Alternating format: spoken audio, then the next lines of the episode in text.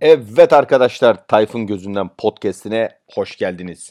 Bu bir basketbol podcast'i. Aslında po- basketbol podcast'i diyorum ama gündemdeki haberleri basketbolla harmanlayıp size anlatmak istiyorum. Çünkü bir konuşulması gereken başka spor dalları da var. Başka spor dallarında elde edilen başarılar ve kayda değer haberler de var. Bunları da anlatacağız. Açıkçası gündemdeki haberleri biraz derleyip size bu podcast'te huzurlarınıza getireceğim. Güzel bir şekilde de iyi bir program olmasını e, olacağını en azından düşünüyorum. Haydi bakalım başlayalım. Evet ne demiştik? Basketbol basketbol dedik ama başka spor dalları da var. Bu e, sezonda özellikle bu yaz sezonunda özellikle e, konuşulması gereken, ön plana çıkarılması gereken ve tartışmasız bir şekilde çok büyük takdirimizi kazanan ve kesinlikle her mecrada, her platformda dile getirilmesi gereken bir takım var, bir organizasyon var. O da filenin sultanları. Yani e, onların e, yaptığı maç temposuna gerçekten hani ben e, şimdi sizlerle de paylaşacağım. Anlatırken gerçekten şey oldum. Hani böyle nefessiz kaldım. E, onlar vallahi helal olsun inanılmaz bir e, tempoyla başladılar. E, biliyorsunuz önce Milletler Ligi ile başladılar. Daha sonra olimpiyatlara gittiler. Daha sonra Avrupa Şampiyonası'nın e, na katıldılar. E, herhalde bunların arasında herhalde en fazla bir 3-4 günlük bir dinlenme yapmışlardır. E, bakın maçlarını e, sadece anlatsam yeter. Daha antrenmanları, önceki hazırlığı vesaireyi falan e, gerçekten e, dile getirdiğimiz zaman gerçekten insan e, böyle oksijen e, komasına giriyor böyle Allah'ım nasıl oluyor bunlar diye. Vallahi helal olsun e, diyorum. Şimdi öncelikle 25 Mayıs'ta Milletler Ligi başladı.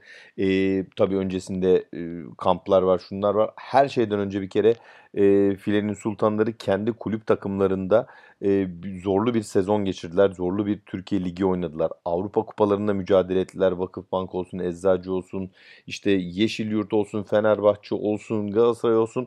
Yani inanılmazdı. Türkiye Kupası oynadılar. Yetmedi. Ondan sonra çıkardılar kendi kulüp takım formalarını ve giydiler ay, ay yıldızlı formayı gerçekten. 25 Mayıs'ta bu maratonları başladı.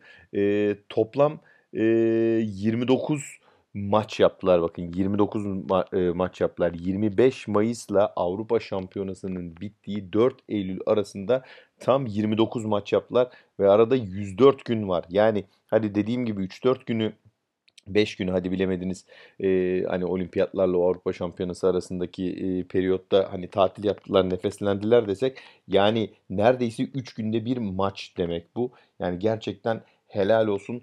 Yani e, Milletler Ligi'nde bir de öyle böyle değil. E, toplamda 15 maç. Ondan sonra cima e, 15 maç da bu arada hani öyle e, lay laylon maçlar değil yani hani e, ciddi anlamda 15 maç ve dünya üçüncüsü oldu e, Türkiye. Yarı finalde Amerika Birleşik Devletleri ile karşılaştı. E, yarı finalde yenildikten sonra üçüncülük maçında Japonya ile karşılaşıp Japonya'nın Milletler Ligi üçüncüsü oldu. Yetmedi.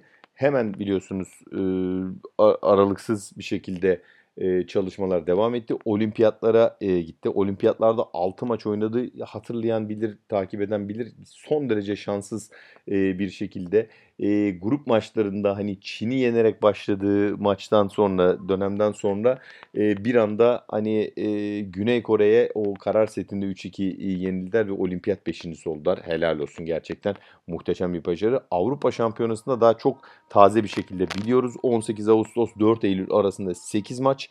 Avrupa üçüncülüğü bronz madalya yani gerçekten muhteşemdi. Hepsini buradan teker teker bir kere daha kutlamak lazım. O yüzden onların bu başarısını bu podcast'te ilk başta açılış olarak onlarla başlamak lazım. Bravo e, filenin sultanları diyorum. Bu arada e, oyuncularımızdan e, Eda Erdem Dündar Avrupa Şampiyonası'nda e, en son Avrupa Şampiyonası'nda en iyi orta oyuncu seçildi. Bunu üst üste dördüncü kere e, yaptı. 2017, 2010, e, 2015, 2017, 2019 ve 2021'de bunu başaran üst üste başaran şu anda tek sporcu. Helal olsun Eda. Bravo sana diyoruz. Bu arada tabii e, Eda'yı, bütün takımı, bütün oyuncuları e, çok kutluyoruz. Tabii ki yani ne kadar gurur duysak az onlarla. Ama Yani gerçekten e, bir kişinin daha hakkını vermek lazım. O da 2017'den beri milli takımın koçluğunu yapan Giovanni Guidetti. E, Valla yani müthiş bir adam bir kere. 1972 doğumlu tam bir voleybol adamı. E, yani tanıyanlar bilenler bilir belki. 2008'den beri Vakıfbank'ın e, koçu, baş koçu ve Vakıfbank'ın e, o dönemden itibaren zaten e, hem Avrupa'da hem e, Türkiye'de elde ettiği e, başarılar da zaten ortada. E, tabii onun kadar hani diğer kulüpleri de e, Vakıfbank e, kadar yıllardır bu işin içerisinde olan, bu işin lokomotifi olan Eczacıbaşı'yı son zamanlarda, son 15-20 yılda özellikle yaptığı yatırımlarla e, onlar kadar en azından önemli bir kulüp haline gelen Fenerbahçe'yi, e, keza aynı şekilde dönem dönem bütçeler el verdiğince ortaya çıkan Galatasaray'ı yani bunları gerçekten çok kutlamak lazım. Çünkü bu ıı, dört kulübün önderliğinde diğer kulüpler hani mazur görsün beni ama yani tabii ki Aydın Belediyesi, Bursa Nilüfer, Yeşilyurt gibi e, takımlar falan da var. Ama bu e, kulüplerin oyuncu havuzuyla beraber işte Giovanni'nin de e, işin içerisinde olmasıyla inanılmaz e, müthiş bir sistem e, yakalamış durumda e, filenin sultanları. Yani kim giderse yerine mutlaka birileri e, geliyor. İşte hatırlayın zamanında Seda Tokatlıoğullar, Polen Uslular vardı. Onların yerine işte Eda'lar, Nazlar hala var. Gençlerden işte Cansular geldi, işte Zehralar geldi. Yani e, Ebrarlar geldi biliyorsunuz. E, yani gerçekten e, müthiş bir jenerasyon. İşte bunun e, yapanlardan e, bir tanesi de zaten Giovanni Guidetti dediğim gibi. Yani bütün Türkiye'yi dolaşıyor e, ve gerçekten e, oyuncuları hani kızlarımızı e, bu spora, voleybola yönlendiriyor. Keza aynı şekilde Voleybol Federasyonu'nu da e, gerçekten bir şahsım adına e, kutlamak isterim. Onların yaptığı işler de yatsınamaz. Yani duyduklarımı, bildiklerimi anlatayım en azından. E, o Burhan Felek'in yanında işte bir lise, e, bir e, okul tahsil ettiler. E, gelen, e, Anadolu'dan gelen e, voleybolcu adayları diyeyim. O okulda eğitim e, görüyorlar bir kız lisesi e, olarak. E, aynı zamanda e, yatakhaneleri orada spor salonu Burhan Felek emirlerin e, altında müthiş bir şekilde hani e, yetişiyorlar ve daha sonra da e, tabii diğer kulüplere de oyuncu olarak hani e, dağıtılıyorlar. Harika bir sistem. Yani inşallah bu sistemi hani futbolda ve diğer e, branşlarda e, da gösterebilir Türkiye. Her kulüpte ve her federasyon olarak. Zaten önümüzdeki hani başarılı olan sistem belli. Alın kopyalayın kardeşim. Futbola da alın kopyalayın. Basketbola da alın kopyalayın. Ya da hangi takım sporuna e, uygulamak istiyorsanız uygulayın. Yani gerçekten e, komple bütün voleybolun içerisindeki bütün paydaşları federasyonundan antrenörüne, yöneticisine, malzemecisine, işte ne bileyim e, medya danışmanına, çalışanlarına herkese herkese herkese kutluyorum. Muhteşem bir 104 gün sonunda gerçekten dosta, düşmana ve bütün dünyaya Türkiye'nin ismini duyurmuş olduk böylece. Helal olsun. Aynen böyle devam diyoruz ve voleybol tarafını böylece kapatalım diyorum. Şimdi haydi gelin biraz basketbola dönelim. Ne oldu bu hafta içerisinde basketbolda? Ya bir sürü takımlarda işte EuroLeague takımlarından e, haberler e, var. İşte e, Basketbol e, Süper Ligi'nin yayıncısı belli oldu. O da ayrı bir konuşulması gereken, biraz eleştirilmesi gereken bir şeyler. Ama ben şeyle başlamak istiyorum. İstanbul Cup ve Obradoviç ile e, başlamak istiyorum. Biliyorsunuz Fenerbahçe Beko'nun ev sahipliğinde e, İstanbul, İstanbul Bol yani hani top anlamında İstanbul, İstanbul Cup e, diye bir e, turnuva düzenleniyor. O da yarından itibaren başlıyor 11-12 e, Eylül'de. E, bu turnuvanın tabii 4 takım katılacak. E, bu turnuvanın en büyük özelliği e, Fenerbahçe Beko'nun gözdesi, canımız, ciğerimiz e, Zelko Obradoviç'in tekrar Ülker Arena'ya Partizan'ın başında rakip koç olarak geliyor olması olacak. Turnuvaya katılanlar Monaco, Unix Kazan, Fenerbahçe Beko ve Partizan. E, bu e, takımlar e, yani e, biraz tabii içimiz buruk hepimizin tabii e, Obradoviç biraz daha Fenerbahçe'nin e, başında görmeye e, alıştık hepimiz e, o anlamda baktığınızda. Yani onun e, böyle rakip e, koç olarak gelmesi hani biraz insanın içini buracak tabii ne e, yalan söyleyeyim. Ama sonuçta e, Obradovic, Obradovic yapan da Partizan. O da köklerinin olduğu kulübe döndü. E, bu sene Euro Cup'ta mücadele edecek Partizan ve e, muhtemelen Obradovic'in e, etkisiyle çok başarılı olacak. Kendisine başarılar e, diliyorum kulübede bu arada. E, ve bir dahaki seneden itibaren Obradovic'i herhalde Euroleague semalarında parkelerde görmeye başlayacağız. İşte bu İstanbul e, İstanbul diyorum yani İstanbul Cup e, yarın başlıyor e, ve inşallah Ülker Arena'da tüm Fenerbahçe taraftarı Obradovic parkeye çıktığı andan itibaren onları bağırlarına basacaklar ve güzel bir turnuva e, izleyeceğiz. Bu turnuva ile ilgili detaylı e, analizleri de tabii turnuva bittikten sonra gerek yazılarla gerek YouTube videosuyla e, hatta işte podcast bir sonraki çekeceğimiz podcast'in içerisinde de işlemiş olacağız. Bu basketboldaki en e, önemli belki de haberdi.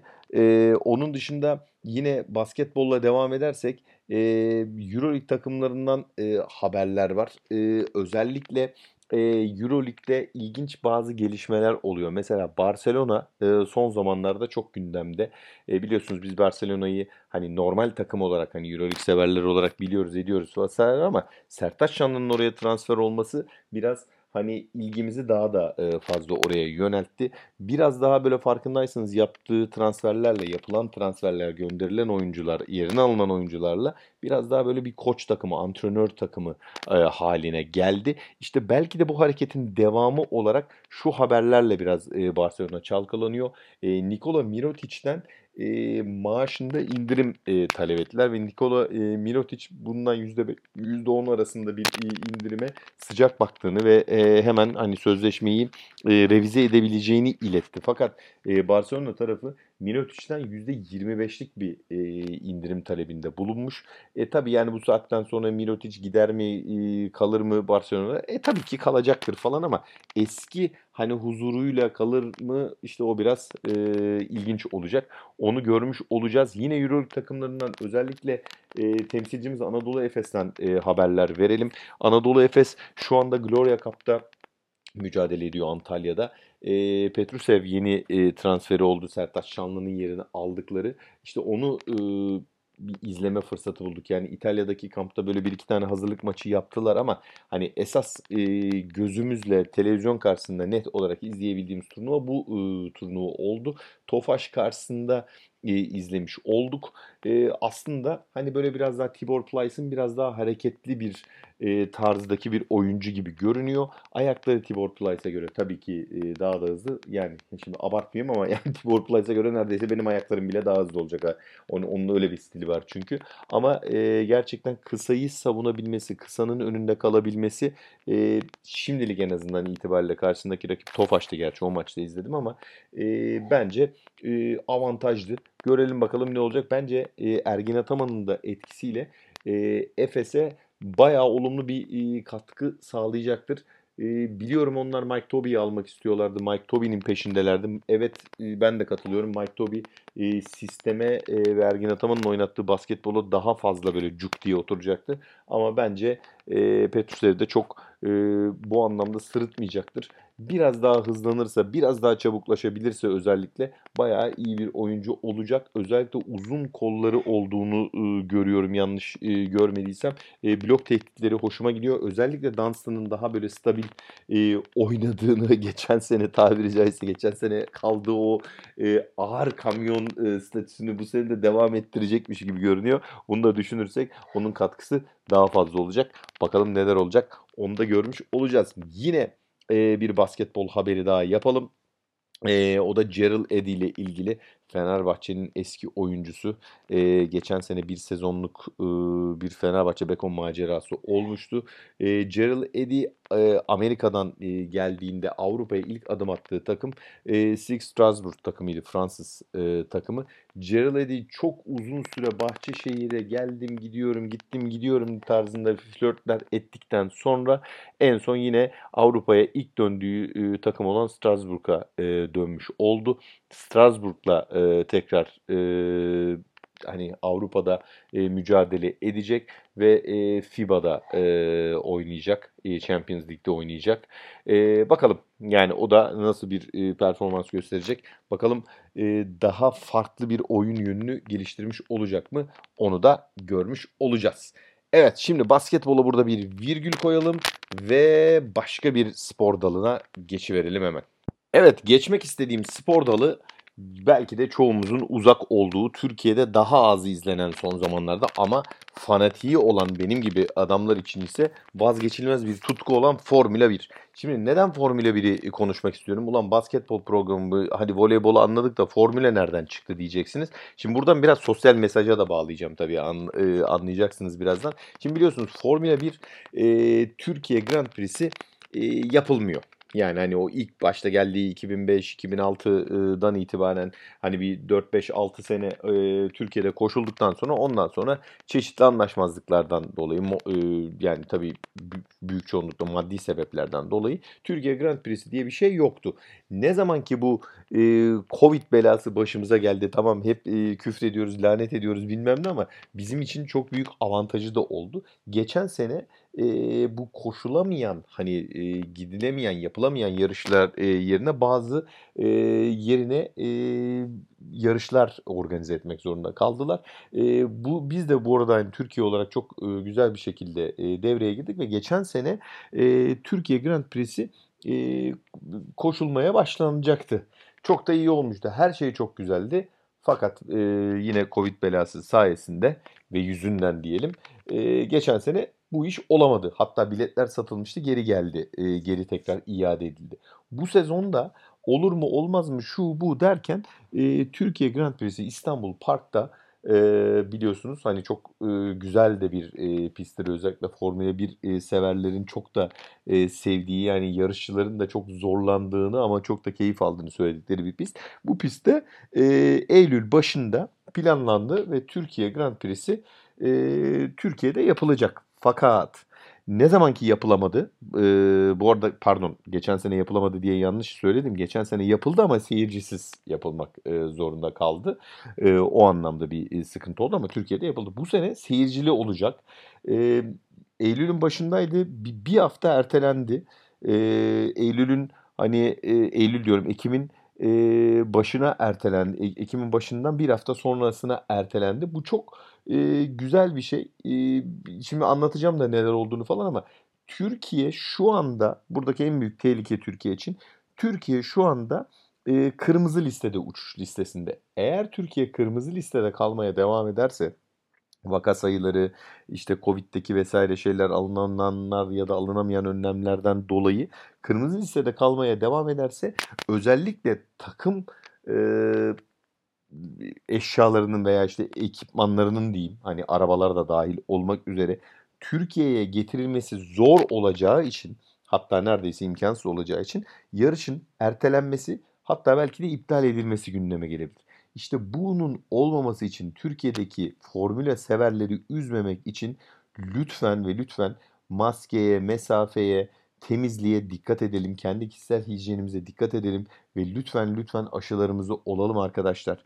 Yani bu aşıları olursak emin olun hani e, yani Covid'i tamam geçiremeyiz %100 garantisi yok tabii ama e, en azından e, kendi sağlığımız açısından çok daha kolay atlatırız. Kendimizi, sevdiklerimizi, ailemizi e, ve biraz da bu anlamda baktığınızda Türkiye'yi de lütfen düşünelim ve bu anlamda da aşılarımızı olalım ki hani pek çok avantaj her şeyin başında sağlık olarak gelsin bize ama aynı zamanda da böyle spor faaliyetlerinin ertelenmesi gibi e, durumlar söz konusu olmasın. Bunun çünkü devamında ileride basketbolda, futbolda ve diğer spor dallarında yine hani kapanmalar, yine seyircisiz oynamalar, seyircisiz müsabakaların yapılması gibi yine sevimsiz dönemlere döneriz. Lütfen hani bunları yapmamış olalım. Ha bu sosyal mesajı verdikten sonra e, Formula 1'de ne oluyor diye de şöyle bir 10 saniyenizi e, alayım isterseniz.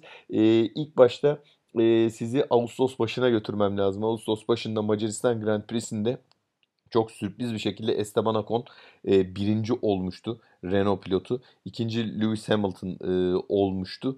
E, aradaki fark kapanmıştı. Şey olarak baktığınızda Verstappen'le Hamilton çekişiyor orada e, şampiyonluk için. E, ve bu şekilde hani Verstappen çok hani büyük avantajlara sahipken bir anda e, geriye düştü Hamilton karşısında. E, fakat 29 Ağustos'ta e, koşulan e, 29 Ağustos değil de daha doğrusu e, evet 29 Ağustos ya. 29 Ağustos'ta e, koşulmuş olan e, Hollanda pardon Belçika Grand Prix'si çok komik e, şeylere sahne oldu. O kadar çok yağmur yağdı ki yarış bir türlü başlayamadı. Sonra bir formasyon turuyla başladı sıralama turlarından sonra. Daha sonra baktılar formasyon turu atıldı atıldı atıldı. Hani yarış doğru düz başlayamadan dediler ki arkadaş hani bu sıralama neyse bu yarışı onlar e, kazandı diye biz e, kabul ediyoruz dediler. Dolayısıyla Max Verstappen birinci ve George Russell yine hani e, o da hani e, sürpriz bir şekilde Williams pilotu ikinci oldu. Lewis Hamilton da üçüncü oldu ve böylece fark bir anda kapandı. Tabi yarı puanlar alındı vesaire gibi teknik detayları var. Geçen hafta e, koşulan Hollanda Grand Prix'si ise 1985'ten beri ilk defa koşturuyordu. Aynen bizim gibi hani e, Covid'den sonra hani tekrar devreye alınan hani e, Grand Prix pistlerinden bir tanesi. Orada Max Verstappen birinci, Hamilton ikinci oldu ve pilotlar e, sıralamasında iş iyice kızıştı. Öyle söyleyeyim planlar e, anlamında. E, şimdi önümüzde yarın e, sıralama turlarının yapılacağı e, İtalya Grand Prix'si var. Bakalım neler olacak. Orada hemen magazinsel iki haber vereyim size. E, yılların pilotu Kimi Raikkonen e, bu sezon sonunda emekliliğini e, emeklilik kararı aldı. Pistlere veda ediyor Alfa Romeo pilotu. E, dolayısıyla onun e, gitmesi ve çıkması e, bazı hani pilot değişikliklerine e, sebep oldu. Bunlardan bir tanesi Hamilton'ın partneri ikinci pilotu olan Valtteri Bottas e, Mercedes'te artık bağlarını zaten artık iyice koparmıştı. Valtteri Bottas sezon sonunda Mercedes'ten ayrılıyor ve Alfa Romeo'nun yerine e, Kimi Raikkonen'in yerine Alfa Romeo'nun direksiyonuna geçiyor. E, Valtteri Bottas'tan boşalan boşluğa ise işte o biraz önce bahsettiğim e, ikinci olan Belçika Grand Prix'sinde ikinciliği almış olan o yağmur altındaki olamayan yarıştaki George Russell geliyor. O da çok yetenekli bir e, yarışçı. E, ve e, Alexander Albon da e, Williams'a onun yerine e, geçiyor. Yani çok e, ciddi güzel şeyler var. Bunları şu bakımdan seviyorum. Genç pilotların e, böyle elde ettiği başarılardan sonra geriye de düşseler işte kötü performans gösterip takımdan ayrılsalar bile e, tekrar geri dönüşleri oluyor. Çok güzel başarı hikayeleri var orada da. Her ne kadar hani takım sporu değil bireysel spor gibi olsa da orada da çok büyük bir hani takım eforu var arkada görünmeyen. E, o yüzden de öyle bir e, ufak bir parantezde Formula 1'e e, açmış olayım dedim. Lütfen dediğim gibi e, kişisel hijyenimize dikkat edelim. Şu vaka sayılarını kontrol altında tutalım. Her şeyden önce kendimiz ve sevdiklerimizin sağlığı için. Ama aynı zamanda da bu tür spor e, olaylarının da spor organizasyonlarının da devam etmesi için aşılarımızı da olalım ve lütfen lütfen lütfen bu işi bu Covid belasını tez zamanda def edelim gidelim diyorum ve burada tekrar e, bir e, diğer sporlara virgül koyarak basketbola geçmeye başlıyoruz. Evet, tekrar e, basketbola dönelim. Basketbola da şöyle bir hafif serzenişle biraz da Basketbol Federasyonu'nu eleştirerek dönelim. E, biliyorsunuz şöyle saçma sapan bir şey oldu. Bir kere e, neyi konuşacağım? E, Türkiye Basketbol e, Ligi'ni yani İNG Basketbol Süper Ligi'nin yayıncısı belli oldu. Tekrar TV Bu Spor verecek. Geçen sezon olduğu gibi. Ama öyle bir e, açıklama yapıldı ki yani süreç o kadar dandikçe yönetildi ki e, dediler ki efendime söyleyeyim e, Ömer Onan mı açıklamayı yapmıştı yoksa o kurumdan mı geldi yani onun imzası mı vardı çok emin değilim şimdi yanlış e, söylemeyeyim kimseyi de zan altında bırakmayayım ama açıklamanın meali şu şekildeydi.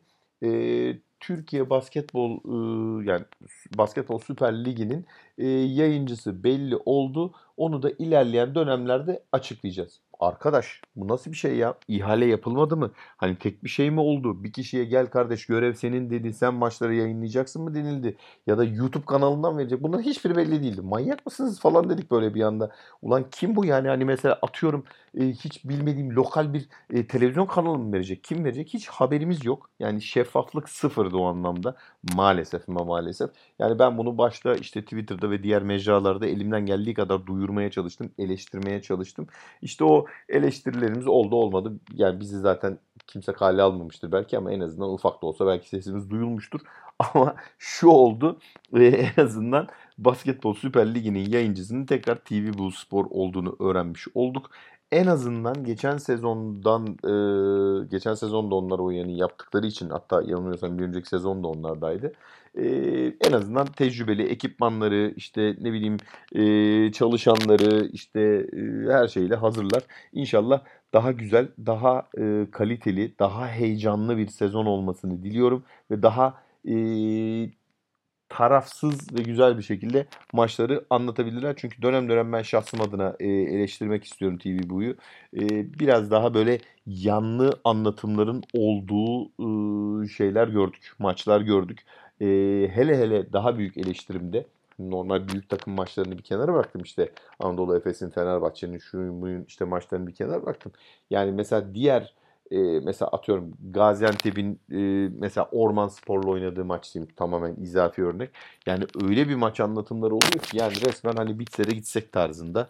E, yani onlar da basketbolun heyecanına biraz gölge düşürüyor. İnşallah bu tür şeyleri hani biraz da daha iyileştirirler ve daha e, güzel bir e, sezon olmuş olur onlar adına da. Hayırlı olsun. Tekrar onlar devam ediyor. Biz de izlemeye devam edeceğiz onları heyecanla. Evet gelelim ee, bir diğer mevzuya. Bu diğer mevzu biraz daha magazinsel bir mevzu. Ee, biraz da tebriği ve mutlulukları e, hak eden bir mevzu. Ee, ondan bahsetmek istiyorum. Dün gece e, Fenerbahçe Beko'nun kaptanı Melih Mahmutoğlu e, Duygu Hanım'la, e, Duygu e, Çakıroğlu'yla evlendi. E, dünya evine girdiler. E, nikahları yapıldı. E, çok muhteşem bir e, gördüğümüz kadarıyla izlediğimiz kadarıyla güzel bir e, düğün oldu. Onlara buradan bir kere mutluluklar e, diliyorum. Her şey inşallah e, gönüllerince olsunlar. E, tabii işin magazinsel tarafı biz tabii basketbol tarafında da böyle hemen pat pat pat e, araştırıyoruz. Düğüne kimler gelmedi ki kimler? Yani e, NBA'den Cedi Osmanlar, Kenan Sipahiler, efendime söyleyeyim Koç Obradoviçler, e, işte ne bileyim futboldan Volkan Demireller, e, zaten Erkan abimiz oradaydı. Erkan Karaca e, oradaydı. Bütün e, teknik staff e, oradaydı. İlker Bey oradaydı. Erdem Can oradaydı. Yani e, Fenerbahçe tarafı e, özellikle oradaydı. Ama onun e, yanı sıra eski yine e, Fenerbahçeli Melih'le e, karşılıklı birbirleriyle e, atıştıkları Bogdanovic e, oradaydı. Bogdan Bogdanovic oradaydı. E, yani çok güzel görüntüler vardı. Çok e, mutlu görünüyorlardı. E, gerçekten çok keyifliydi. E, helal olsun medyada yani kimseyi atlamamış. Herkesi A'dan Z'ye e, davet etmiş. E, onlar da hani e, katılmışlar. Çok güzel, çok e, keyifli görüntüler vardı. İşte başkan e, Fenerbahçe Başkanı Ali Koç e, sahnedeydi. Volkan Demirel sahnedeydi. Voleybolda e, her şeyimiz hani e, biraz yayının başında söylediğim e, Eda Erdem vardı.